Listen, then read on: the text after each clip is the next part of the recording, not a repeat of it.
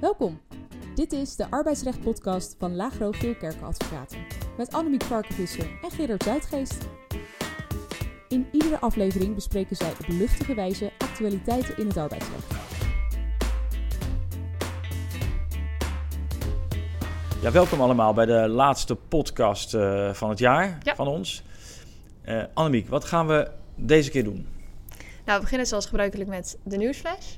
Mhm. Maar in plaats van dat we dan één uitspraak van de week eh, bespreken, bespreken we nu meerdere uitspraken die te maken hebben met de kerstborrel. En wat daar eigenlijk allemaal mis kan gaan, arbeidsrechtelijk gezien. Ja, er gebeurt nog wel eens wat. Ja, precies. Ja, veel bedrijven hebben natuurlijk ieder jaar een kerstborrel. Wij ook. Vorige week was, eh, was heel leuk. Zeker. Eh, jij werd ook nog benoemd in ja, het cabaret. ja, ja, voor de luisteraars. Ja, wij hebben inderdaad een cabaret waarin jaarlijks eh, traditioneel met name partners op de hak worden genomen. Ja. En ook dit jaar was het weer eh, feest. Maar ik, ik vond dat het wel moest kunnen. Nee, het was binnen de perken. Ja. Zullen we daar maar niet al te Nee. lang bij stilstaan en ehm, Ja. eh, beginnen aan de... Nieuwsflash. Wat moet je weten? De nieuwsflash. Ja, voordat we dan aan de ja, toch iets meer juice uitspraken rondom de kerstborrels beginnen, toch een paar serieuze arbeidsrechtelijke aandachtspunten. Ja. Ik begin met een uitspraak, recente uitspraak van het Hof van Justitie. Het Hof moest oordelen over de vraag of de werknemer die vakantie had opgenomen, maar tijdens een deel van die vakantie in COVID-quarantaine moest, of die werknemer daarvoor door de werkgever moest worden gecompenseerd, want hij had tenslotte zijn vakantie toch minder Mm. kunnen genieten dan anders dat hij in zijn hoofd had. Maar volgens het Hof hoefde dat niet. En grappig was wel dat het Hof ook overwoog dat tijdens de quarantaine de werknemer volgens het Hof kon ontspannen en uitrusten. En daarmee het doel van de vakantie dus alsnog werd Ja. bereikt. Ja, Ja. zal die werknemer anders over hebben gedacht, maar op Ja. zich denk ik wel een begrijpelijke en correcte uitspraak. ja, en misschien ook wel fijn om te horen dat eh, het met de vakantiedagen niet helemaal op kan voor de werknemer. Omdat Ja. we natuurlijk vorige keer eh, die uitspraak van de Hoge Raad daarover bespraken. Ja, zeker. Ja. Ehm, dan nog een uitspraak over een werknemer die had 791 bestanden van zijn zakelijke laptop overgezet naar een privé Dropbox. ja, hij had volgens mij had hij dat gedaan nadat hij had gehoord dat zijn contract voor bepaalde tijd Ja. niet werd verlengd. Klopt. En van die 791 bestanden waren er volgens de werkgever 200 eigendom van de werkgever. En dat waren vertrouwelijke documenten zoals het managementhandboek en een maintenance overeenkomst. En de werkgever die ontslaat de werknemer dan op staande voet. Mhm. Eh, en dit blijft bij de kantonrechter staan. En volgens de kantonrechter is er ook geen transitievergoeding verschuldigd, omdat de werknemer ernstig verwijtbaar heeft gehandeld. ja, De kantonrechter concludeert wel dat er geen sprake is van het overtreden van het geheimhoudingsbeding, omdat in het geheimhoudingsbeding stond dat het de werknemer verboden was om vertrouwelijke informatie met derden te delen. En dat had de werknemer natuurlijk niet gedaan, die had het naar zichzelf gestuurd. Ja, ja. ja een enkel, denk ik, een, als het een enkel document was geweest, eh, dan was het misschien een waarschuwing Mm. geworden. Maar eh, zo'n grote Ja. hoeveelheid documenten en dan ook nog een aantal zeer vertrouwelijke. Ja, eh werkgever heeft tot de slag op staande voet besloten. Ja, op zichzelf, hè, dat, dat eh, eh, ehm, het naar jezelf toe mailen van vertrouwelijke informatie, is dat nou schending van de geheimhoudingsplicht? hè, waarvan de, de kantonrechter hier zegt, nee, dat is niet het geval, want dat ziet op delen met derden. Ja, dat is denk ik wel vaste lijn in de, Hmm. de rechtspraak. Het ligt er wel aan hoe het geheimhoudingsbeding is geformuleerd. Dus als het- het beding is geformuleerd als ja, niet delen met derden, ja, dan Hmm, is het naar ja. jezelf toesturen geen overtreding. Als het beding, beding is niet buiten de organisatie brengen, dan is het versturen naar een computer die niet bij de organisatie is aangesloten, natuurlijk naar zijn aard ook al een schending van dat geheimhoudingsbeding. Dus Ja. werkgevers hebben het een beetje zelf in de hand bij de formulering van hun geheimhoudingsbeding of het naar jezelf toesturen al dan niet een schending daarvan betekent. Ja. Right. Heb je er Ehm, nog één? Ja, dan eentje over een onderwerp waar we het ook al vaker over hebben gehad in de podcast. Dat eh, ging om een werknemer op Schiphol. Die moest verplicht 15 minuten voor aanvang van zijn dienst aanwezig zijn op het werk. Eh, want in die 15 minuten moest hij zijn af- aanwezigheid aftekenen, eh, zijn portofoon pakken. En dan hoorde hij naar welke gate hij moest. En dan moest hij ook naar die gate vertrekken, zodat hij daar op tijd voor zijn dienst was. Ja. En de kantonrechter meent dat dit dan ook dus die 15 minuten verplichte arbeidstijd is en dus ook betaald moest, moet worden. Ja, En dus dus- in lijn met, Ja. met, met die callcenter medewerker. Ja, precies, die eerder tien minuten eerder moest eh, klaarzitten voor haar dienst. En daar, ik begreep dat die eh, zaak inmiddels naar de, ho- de Hoge Raad gaat. Ja, de dat is call- ja, Ja, ja. Dus we gaan zien of dit eh, stand houdt. Maar daar lijkt dus een bestendige lijn in te zitten. Zodra er een verplichting is om op het werk te zijn, gaat de arbeidstijd Ja. lopen. Eh, dat kan natuurlijk iets anders zijn bij slaap, bij slaapdiensten en dergelijke. Maar dat laten we hier maar even buiten beschouwing. Ja. Dan nog wetgevingstraject. Eh, ik begreep van iemand die zei dat hij daar relatief dichtbij zat. Dat in Den Haag eh, er rekening wordt, mee wordt gehouden dat de beoogde verduidelijking, die nu op de, op de, op de rails staat, de wetgevingsrail staat, de beoogde verduidelijking met betrekking tot de vraag of er sprake is van een arbeidsovereenkomst of van een opdrachtovereenkomst, dat die verdu- wettelijke verduidelijking eigenlijk niet in de genade lijkt te vallen bij, of mogelijk niet in genade valt bij partijen die nu onderhandelen over een nieuw kabinet. En dat die verduidelijking dus mogelijk zal sneuvelen. Wel is de verwachting dat het hu- huidige handhavingsmoratorium, dat doorloopt tot 1 januari 25, echt zal gaan vervallen. En dat betekent natuurlijk toch dat ook opdrachtgevers, schuinschip werkgevers eh, extra Mhm. risico's eh, eh, gaan lopen ehm, bij de inschakeling van ZZP'ers die, Ja. die echt ingebed zijn in de organisatie van de, van de werkgever. De suggestie is wel dat de handhaving zich allereerst zal richten op de zogenaamde IB-ZZP'ers, de ZZP'ers zonder een rechtspersoon, zonder een BV. En het lijkt dus verstandig voor opdrachtgevers en, eh, en, en, en werkgevers om te overwegen of het niet verstandig is om in 2024 te gaan afstappen van inschakeling van IB-ZZP'ers en meer BV-ZZP'ers te gaan eh, inhuren. En misschien ook wel om IB-ZZP'ers te trachten te stimuleren om een BV te gaan oprichten. Want daar lijkt het, eh, Mhm. de handhaving zich voorlopig niet eh, op te richten. Ik heb er nog één. Ja, oké, laatste dan. Ja, Eh, eh, richtlijn gelijke beloning. Nou, medio 2027 eh, dient de Europese richtlijn in de Nederlandse wetgeving te zijn opgenomen. Klinkt En- ver. Klinkt ver. Ja. En ik begreep ook dat het niet de bedoeling is dat die richtlijn eerder in het wettelijk, Nederlands wettelijk kader zal worden opgenomen.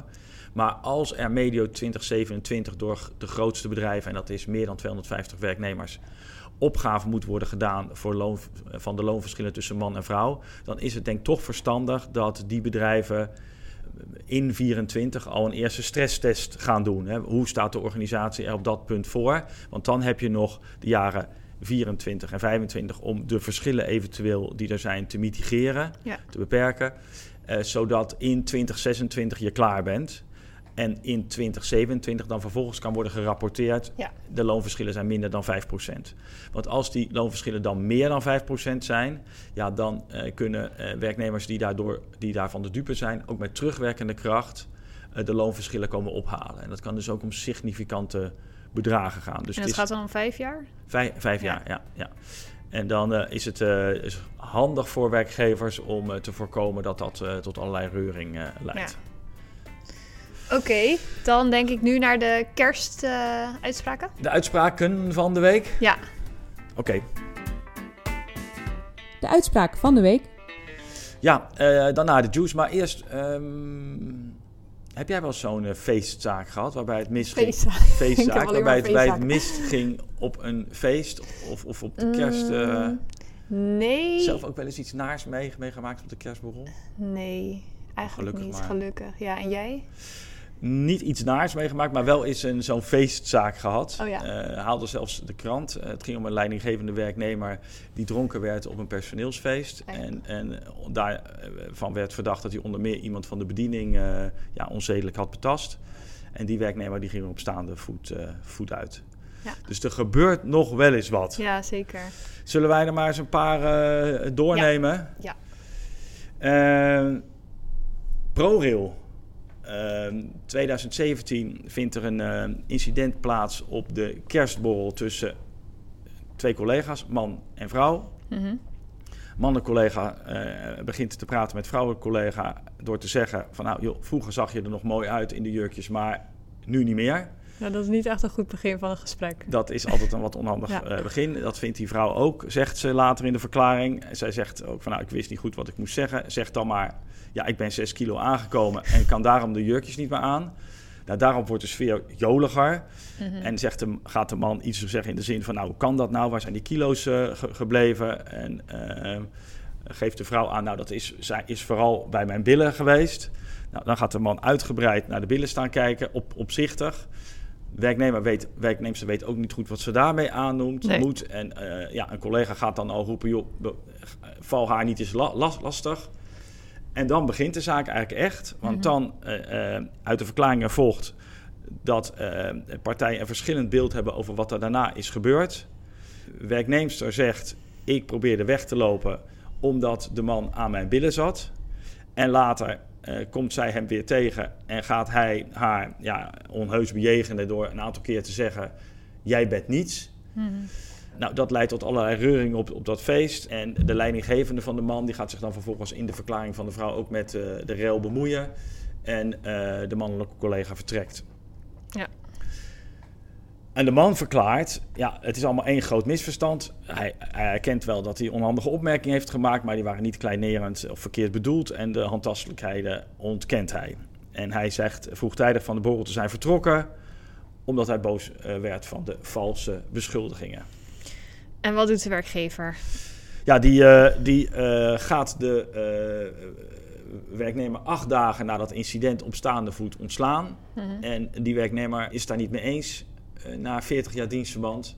En gaat naar de kantonrechter en legt die zaak aan de rechter voor. eh, om, met het verzoek om het ontslag op staande voet te vernietigen. En de rechter volgt dat. Mhm.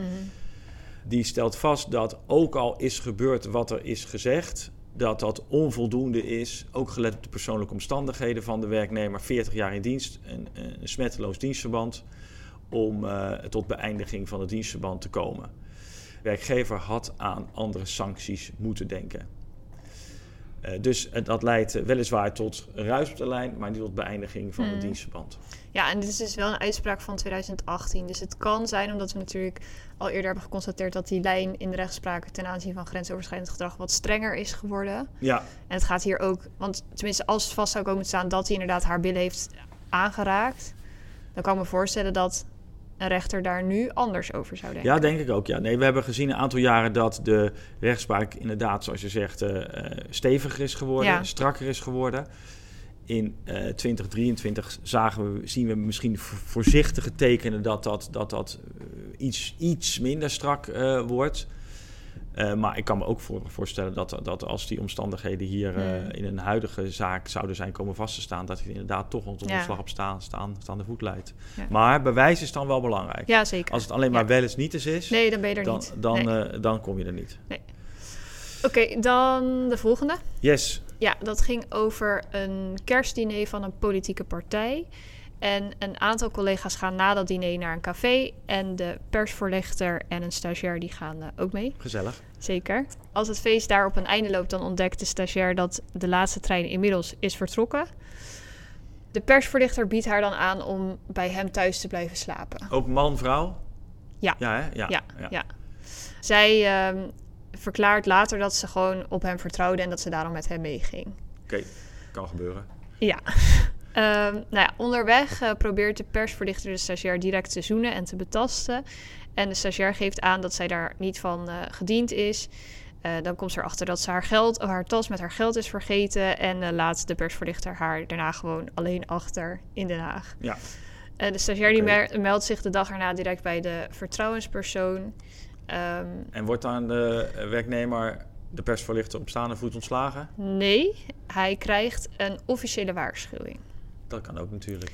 Maar vervolgens dient de werkgever dan wel een verzoek in tot ontbinding van de arbeidsovereenkomst. Nadat de eigenlijk al gesanctioneerd was Ja. door eh, die officiële Ja. waarschuwing. Ja, dus daar, precies daarop gaat het ook Ja, mis bij de kantonrechter. Want die zegt ook, ja, vaststaat dat hij zich inderdaad eh, onbetamelijk heeft gedragen. Maar ja, kennelijk had hij een tweede kans gekregen. Want hij, het was afgedaan met een waarschuwing. Dus waarom dan nu ineens een ontbindingsverzoek? Er zijn geen nieuwe feiten of omstandigheden gesteld.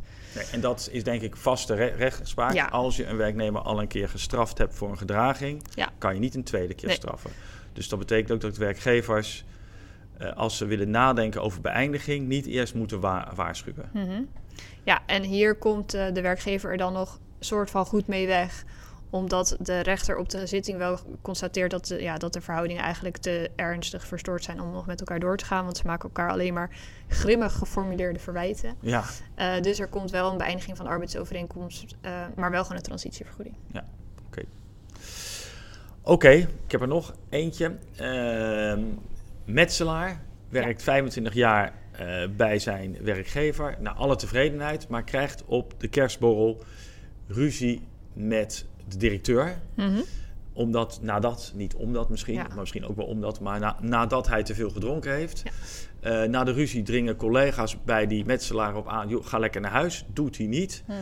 En ehm, hij, gaat, eh, hij schreeuwt tegen de directeur dat hij eh, die hem middendoor zal schoppen en voor zijn kop zal slaan. En hij blijft de rest van de avond dicht bij de deur staan. En als dan de directeur eh, na middernacht de kerstborrel wil verlaten, dan vliegt die werknemer hem alsnog aan en Hmm. probeert hem te slaan. En collega's zien dat allemaal, weten dat uiteindelijk wel te voorkomen, want ze moeten tussen beiden springen. En vervolgens wordt de werknemer direct op slag op staande voet gegeven. De volgende dag belt die werknemer zijn eh, directeur om zijn excuses te maken. Hij zegt, ja, te veel gedronken, diabetes, onhandig, sorry, had ik niet moeten doen, eh, sorry. Werkgever houdt stand, eh, houdt eh, voet, eh, voet bij stuk, laat het ontslag op staande voet staan. En werknemer vraagt de rechter tot in hoger beroep om zijn ontslag te vernietigen. Omdat hij een lange staat van dienst had. Een combinatie diabetes, hoog alcoholgebruik kan leiden tot agressief gedrag. Hè. Dat hangt dus niet. Het was, hij was het niet, maar het, het medicijn was het, zijn, zijn ja. diabetische ziekte. Maar zowel kantonrechter als hof wijzen het standpunt van de werknemer af. En het slag op staande voet blijft staan. Ja. En zijn persoonlijke omstandigheden, dus een lange dienstverband. Ja, daar zegt het Hof dan natuurlijk wel nog wat over. Hè? Maar ook eh, vindt het Hof dat de directeur na zo'n lange staat van dienst niet hoeft te tolereren dat hij in het openbaar, in het beide zijn van zoveel collega's, zo door deze eh, ondergeschikte wordt behandeld. Ja. Werknemer was oud en wijs genoeg, had moeten weten dat alcohol en diabetes geen goede combinatie is. En had ook gewoon het advies van zijn collega's moeten opvolgen Ja, en naar huis moeten gaan. terecht. Ja, en wat ik eh, ook wel ik, ja. relevant vind, is dat hij, hij is niet vanuit emotie op die directeur gesprongen, maar hij is dus echt bij de deur gaan staan wachten voor Ja, kennelijk best wel een lange tijd. En toen heeft hij het gedaan, dus hij heeft er echt wel goed over hij nagedacht. had tot inkeer moeten komen. Ja, precies. Ja. Eh, laatste. Ja, Ja, en dan gaan we echt aan de kerst beginnen. Ja, hè? precies. Oké, eh, dat ging over een werknemer die binnen het transportbedrijf de, de functionaris was die zich bezighield met het voorlichten van chauffeurs op het gebied van zuinig en verantwoordelijk rijden. Ehm, en ook op het gebied van alcohol in het verkeer. Nou, Ik voel hem denk ik al aankomen. Je voelt hem al aankomen. Eh, de- deze werknemer stapt na afloop van de kerstborrel met een veel te hoog alcoholpromillage, namelijk vier keer de toegestane hoeveelheid in de auto. En hij maakt dan eenzijdig, eh, een eenzijdig ongeluk waarbij hij de auto van een derde beschadigt en zijn eigen auto totaal losrijdt. Oké.